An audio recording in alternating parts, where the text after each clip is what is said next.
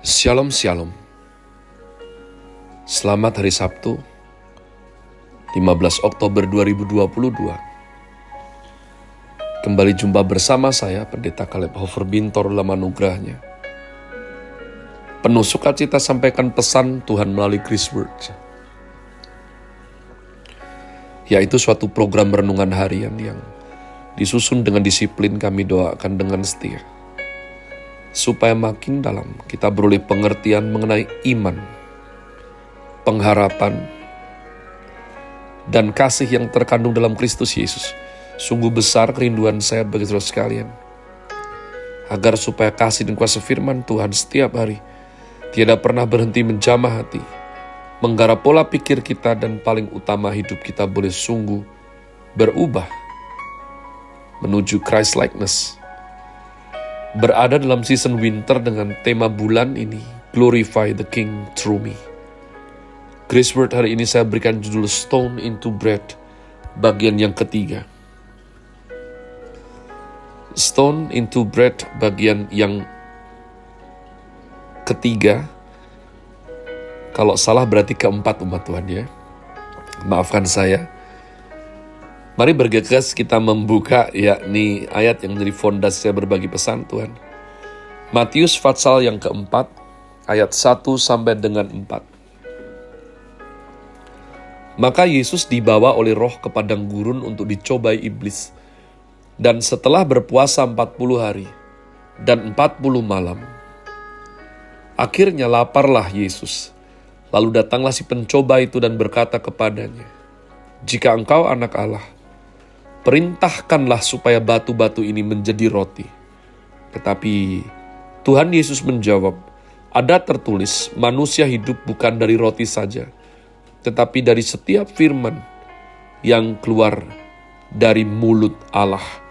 Umat Tuhan, kemarin saya sudah bahas lebih dalam, ya, bahwa keabsahan kita sebagai anak Allah itu bukan dikarenakan pembuktian kepada iblis, Nah, apa yang terjadi adalah dunia ini berisi berbagai macam godaan. 1 Yohanes 2 ayat 16 bahwa dunia ini berisi keinginan daging, keinginan mata, keangkuhan hidup. Tiga hal tersebut membombardir manusia setiap saat. Godaan demi godaan demi godaan tidak ada habisnya. Tawaran-tawaran terliar yang bahkan tidak terbayangkan sebelumnya Saulus sebelum jadi Paulus adalah seseorang melayani hukum, memelihara hukum, dan terdidik dengan baik secara hukum. Kisah Rasul 22 ketiga bahkan diajar langsung oleh Gamaliel.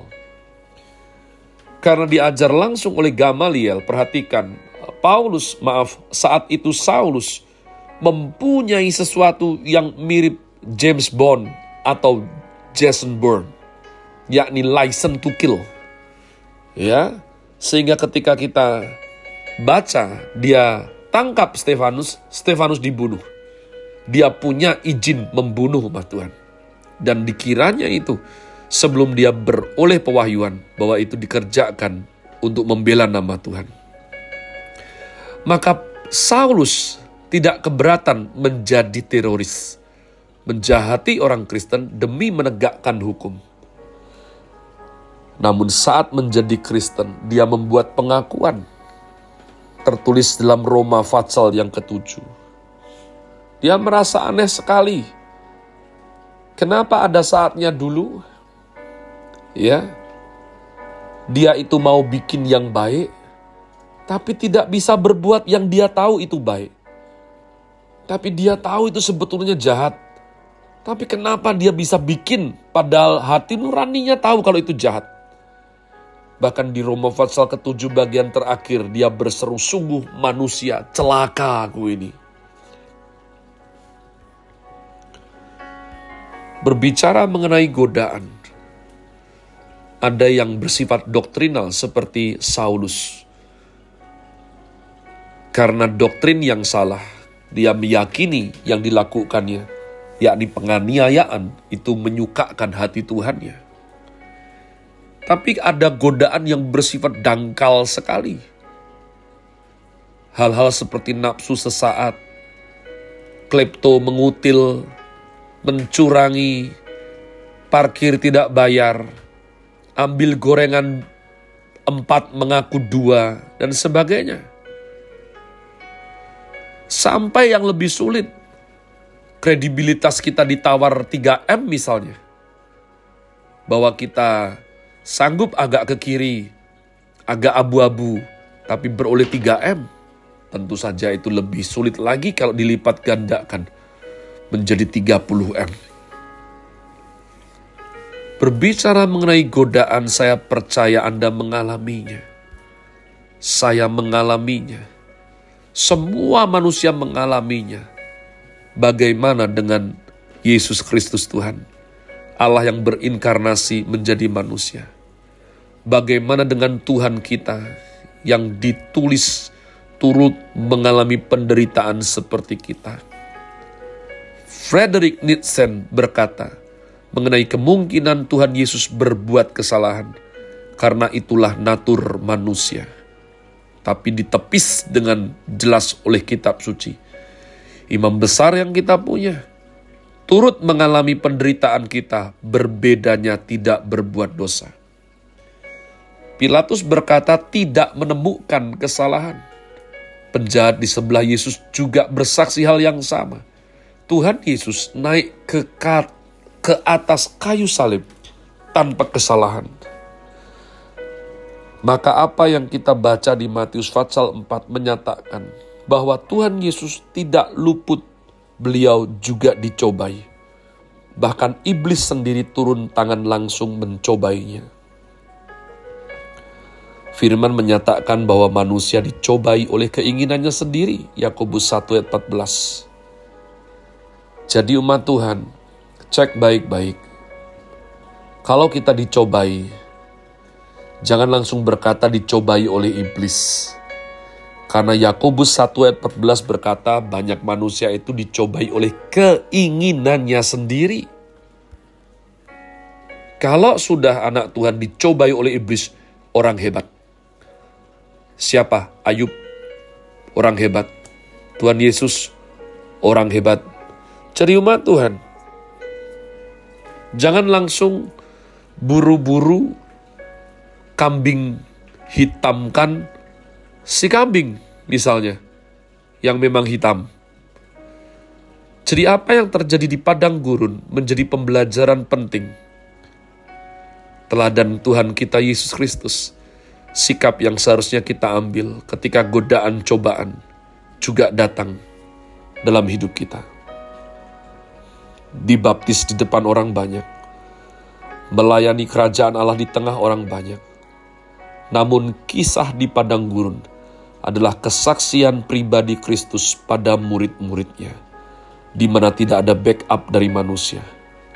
Tuhan Yesus dibawa oleh roh kudus untuk diuji di padang gurun.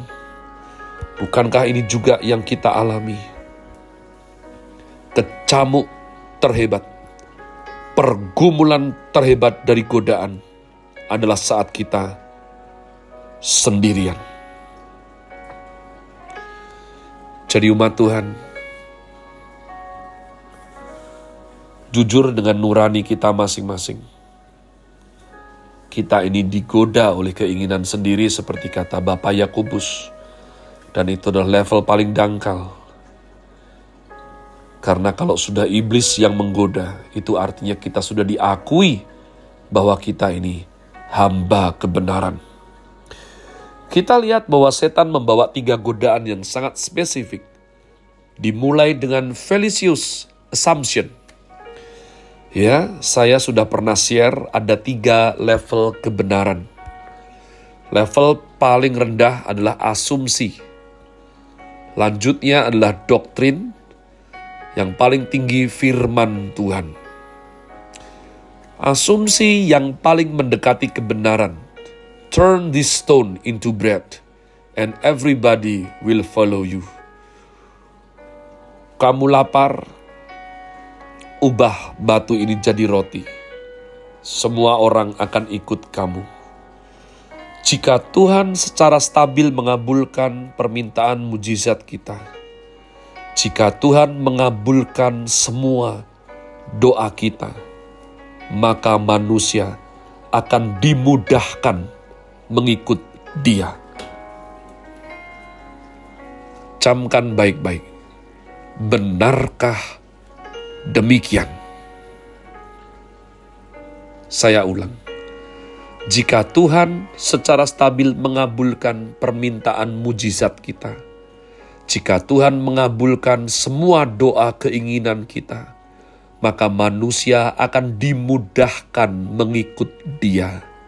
Benarkah demikian? Ubah batu ini jadi roti, sembuhkan penyakit, jadikan motor kecilku menjadi BMW seri 7 terbaru. Biarlah aku gendut ini mengalami mujizat langsing, bahkan bonus six pack. Apakah jika Tuhan puaskan dan kenyangkan semua keinginan kita, sungguhkah kita pasti menjadi manusia yang lebih baik?